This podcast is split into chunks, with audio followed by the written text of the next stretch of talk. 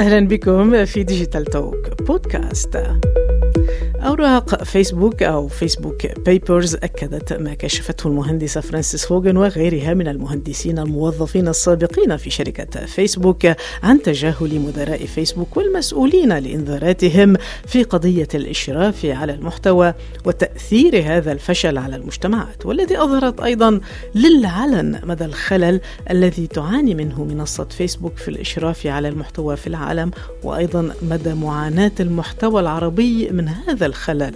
لمنصة تدعي حماية حرية التعبير ومواجهة خطاب الكراهية والأخبار المضللة وأنها نصير من لا صوت لهم.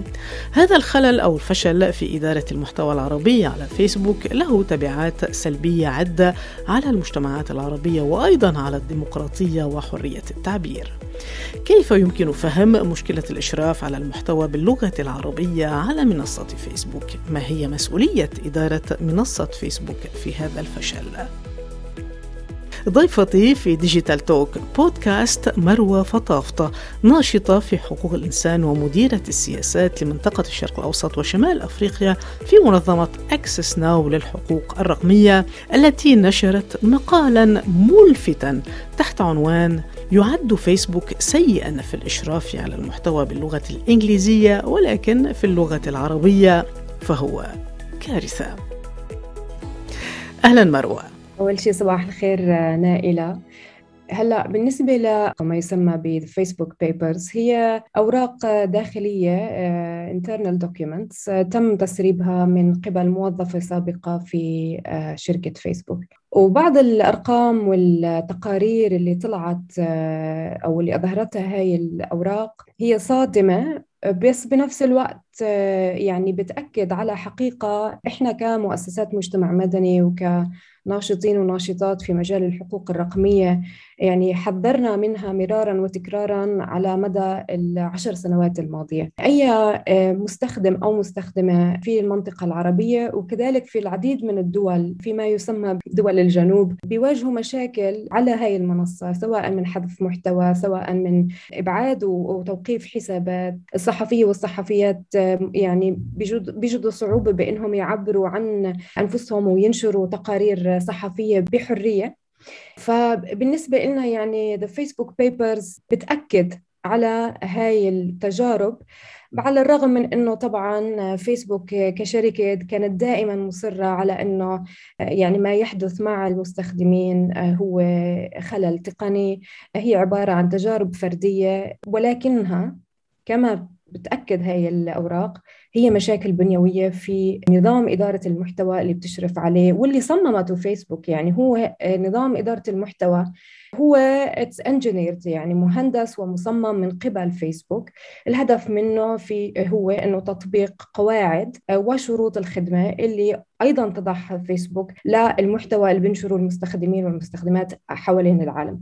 هلأ بالمنطقة العربية أو خلينا نقول باللغة العربية وكل اللغات اللي ليست باللغة الإنجليزية. في مشاكل فعلا كارثية. عشان أعطيك بس أرقام. واحدة من الأرقام اللي أظهرتها ال Facebook Papers النظام الأتمتة أو ال algorithms أو الخوارزميات اللي بتستخدمها فيسبوك لا تطبيق سياساتها في إدارة المحتوى المتعلق بالإرهاب أو يعني المحتوى ما يسمى بال extremist content باللغة العربية 77% فيسبوك أو هاي الخوارزميات غير قادرة أو تخطئ في إدارة المحتوى. يعني بتحذف محتوى هو بالأصل ملوش علاقة لا بالإرهاب ولا يخالف قواعد المنصة المتعلقة بما يسمى بالإرهاب. 77% ولذلك لما نشوف هذا الرقم ونتذكر إيش صار بحبة عيار في فلسطين وأحداث الشيخ جراح وكل المحتوى اللي انحذف في هذيك الفترة.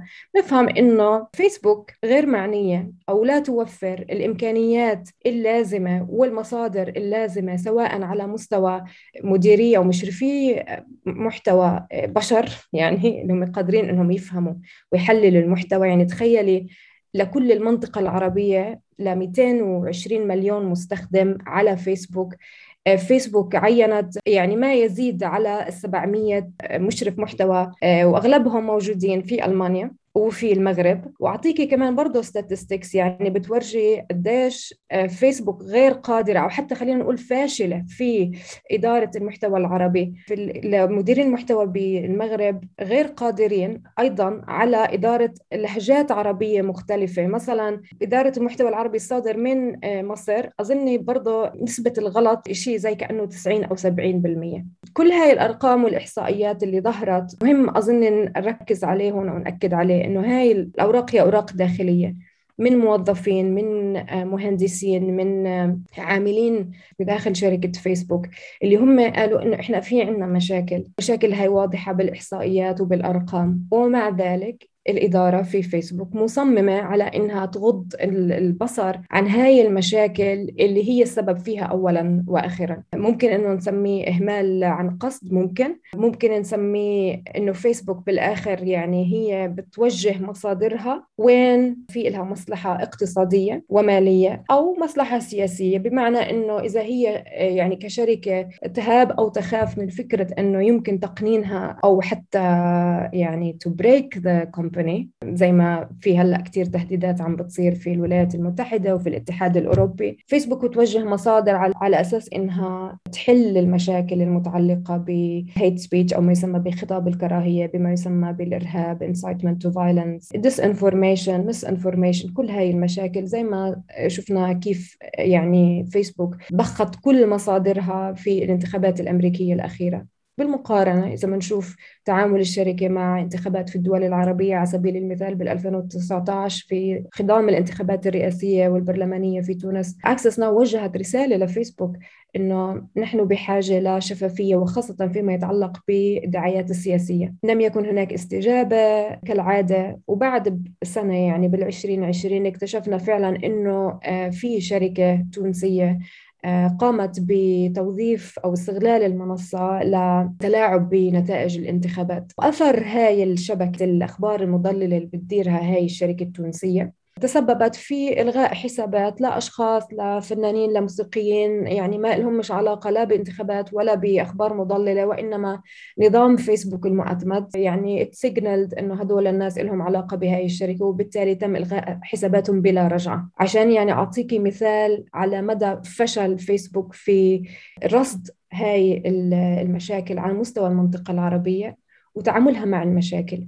الوضع الحالي إذا بدنا نقيمه فيما يتعلق بإدارة المحتوى اللغة العربية من جهة عندنا إزالة وحذف وسنسورشيب هي عمليا. لأي محتوى سياسي تحت ما يسمى بمحاربة الإرهاب. وبناء عليه بنلاقي إنه النشطاء والناشطات في محلات زي فلسطين زي سوريا زي اليمن زي مصر حساباتهم عم تتسكر آه، محتواهم عم بينحذف من دون أي شفافية. وفي المقابل خطاب الكراهية وخاصة اللي استقصد ويسيء للنساء ولمجتمع الميم وللكويريين والكويريات في منطقتنا العربية. يزدهر على المنصة. ال disinformation والأخبار المضللة أيضا تنتشر بشكل واسع ومكثف على المنصة.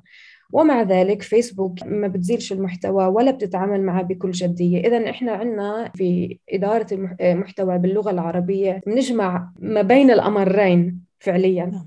حذف للخطاب السياسي وخاصة في منطقة نحن بحاجة لهي المساحة. نحن بحاجة لمساحة عامة ممكن أنه نمارس فيها حقوقنا وحرياتنا اللي ما بنقدر نمارسها على أرض الواقع. وفي المقابل كل المشاكل اللي صار لنا مش بس إحنا كنشطاء عرب وإنما في أمريكا وفي الاتحاد الأوروبي وفي كثير من الدول إنه فيسبوك أصبح جنة لخطاب الكراهية ولل disinformation برضه عنا اياه برضه عنا اياه إنه فيسبوك رفعت يدها تماما عن إدارة هذا المحتوى بشكل فعال. وللأسف الشديد يعني ما ننسى إنه ما يحدث على المساحه الرقميه ينعكس على أرض الواقع والعكس صحيح. آثار هاي ال disinformation وآثار خطاب الكراهية نراه على أرض الواقع بيأذي أجساد الناس بيأذي نفسياتهم.